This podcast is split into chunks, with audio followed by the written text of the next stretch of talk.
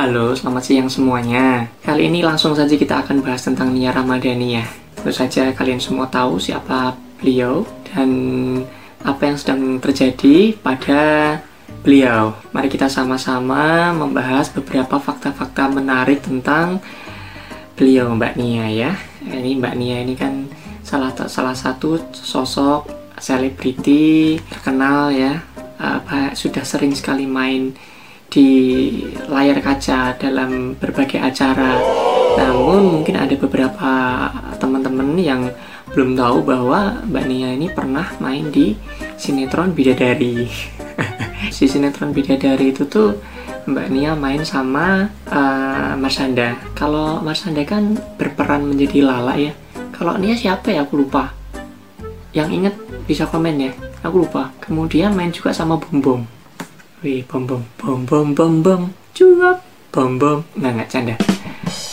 Kemudian eh, fakta menarik dari Mbak Nia itu dia nggak bisa ngupas salah ya. Tidak bisa mengupas buah itu bukan menjadi sesuatu yang aneh sebenarnya. Tapi kenapa mesti salah gitu?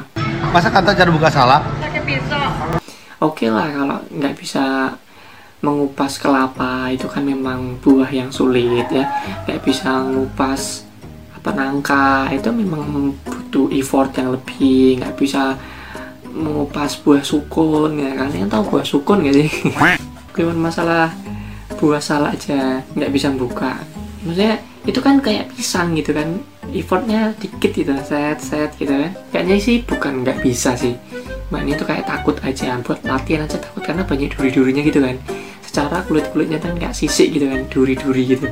Jadi ya uh, otaknya itu sudah sudah di setting untuk menghindari hal-hal yang berbahaya gitu jadi um, sebenarnya Mbak Nia itu takut untuk mencoba aja sih karena resikonya untuk tertucus oleh kulit salak. Jadi dia nggak berani memulai.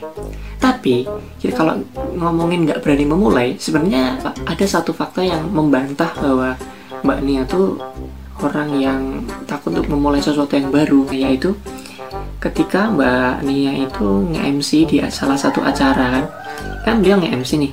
Otomatis nge-MC itu dunia yang baru dong buat Mbak Nia. Karena sebelum-sebelumnya Mbak Nia kan uh, tidak begitu melanglang buana di dunia per-MC-an yang acara besar ya. Paling dia akan nge-host di acara-acara segmen yang memang tidak begitu formal gitu. Jadi ini hal baru buat beliau. Tapi walaupun ketika mencoba sesuatu hal yang baru tersebut ternyata agak zoom ya. Di acara tersebut kan Mbak Nia tergagap-gagap gitu kan. Ini dia terus dia bagian ngomong. Kalau dia ngomong terus sih? Mesti mesti dihandle oleh rekan satu MC-nya gitu dalam membawakan acara. Jadi secara keseluruhan beliau membawa acaranya tuh masih bisa dibilang hmm, masih kurang latihan gitu ya. Masih butuh waktu. Seperti saya saya sekarang nge-podcast itu masih butuh latihan dan masih berproses dari waktu ke waktu. Tapi saya menyayangkan uh, netizen-netizen laki-laki netizen yang berulah. Netizen itu ngebully mbak Nia ya. Padahal kalau misalnya orang yang sedang mencoba sesuatu hal yang baru apalagi untuk pertama kalinya kemudian ada yang tidak berjalan dengan baik terus apa namanya ya uh, malah dibully gitu. Waduh malah ada suara motor ya bentar ya. A few minutes later. Kembali ke uh, Mbak Nia yang dibully gara-gara kurang baik dalam membawakan acara di skala yang sangat besar itu, aku rasa nggak perlu dibully. Katakanlah, misalkan aku nih, aku uh, nge-MC pertama kali di acara ulang tahun Sweet Seventeen mantan misalnya ya, nggak usah jauh-jauh itu kalau misalnya pembawaannya tidak bagus atau kurang kurang baik gitu itu kan nggak perlu dibully. Ah kamu nggak bisa MC nggak nggak perlu gitu. Cukup cukup dibilang eh kayakmu uh, tadi udah berusaha dengan baik. Mungkin besok besok bisa berusaha lebih baik lagi. Diomongin gitu aja hatinya tuh udah apa ya udah sesek gitu. Aduh sedih rasanya. Jadi nggak perlu dibully lah. Jadi mbak Nia itu kalau di internet dibilangin aja mbak uh, semangat ya tetap latihan semoga besok lebih baik. Itu mbak Nia aja udah yang pasti sedih gitu. Kenapa mesti dibully? Ini netizen ya. Nggak perlu semuanya terang-terangan ngehujat gitu. Ya sebagian kecil aja lah yang hujat yang orang-orang yang empatinya kurang banyak gitu. Terus yang em, paling baru nih sekarang em, Mbak Nia menggunakan salah satu jenis narkoba. Aduh Mbak Mbak aku tuh nggak habis heran nggak habis pikir. Biasanya tuh orang-orang yang pakai eh, barang-barang tersebut tuh orang yang dalam tanda kutip mungkin ekonominya kurang.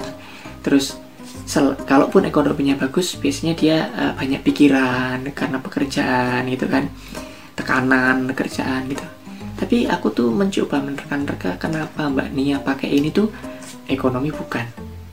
Tekanan pekerjaan aku rasa bukan lah pekerjaannya Mbak Nia kan bukan yang uh, di deadline kan harus ini harus ini di deadline secara waktu. Misalnya musisi itu kan biasanya ada deadline waktu jadwal manggung harus menciptakan lagu uh, membuat lagu yang bagus. Tapi Mbak Nia kayaknya nggak se sekompleks itu. Dia kan uh, aktris ya artinya dia acting uh, uh, membawa suasana paling itu itu dan aku rasa tekanannya tidak sebesar orang-orang lain ya.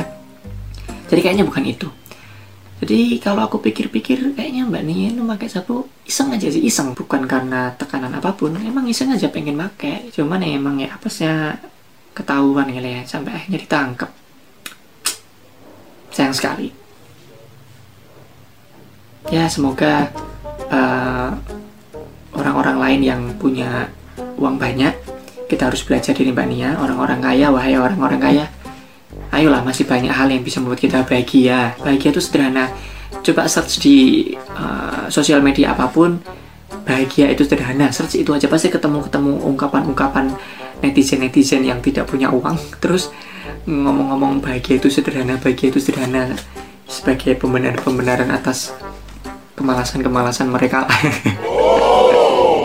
Aduh aku bisa dibully netizen nih Kemudian yang terakhir KPAI coba bentengin anaknya dari cyberbullying ya bagus. Anaknya memang perlu support. Aku yakin anak-anaknya Mbak Nia ini dibully pasti, pasti.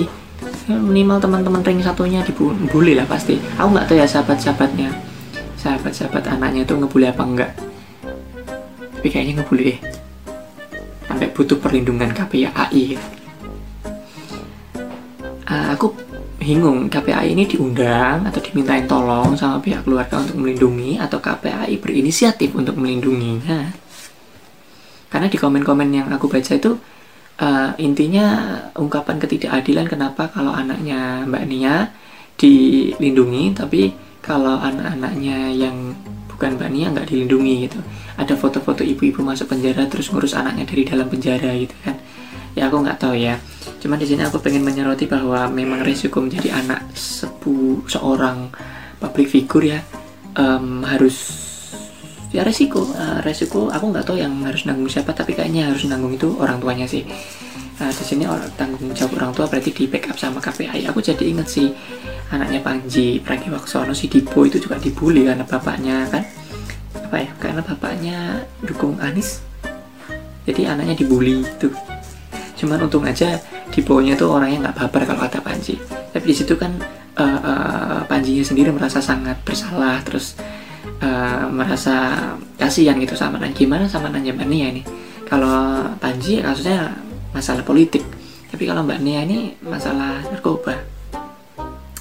Ya kayaknya cukup berat. Jadi aku aku akan mencoba membantu KPAI untuk anaknya Mbak Nia tetap semangat eh, nggak usah dengerin kata netizen. Fokus pada hal-hal yang harus kamu lakukan eh, jalani hidupmu dengan tenang eh, walaupun ada tekanan-tekanan sedikit cobalah untuk mengurangi beban-beban itu. Jangan sampai eh, bullying-bullying dari netizen itu menghentikan proses kehidupanmu.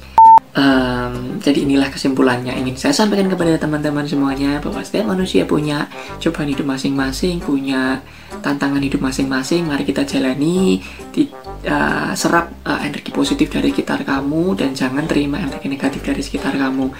Berlaku juga untuk Mbak Nia, berlaku untuk anaknya Mbak Nia, berlaku untuk pendengar video ini atau podcast ini, berlaku juga untuk diri saya sendiri.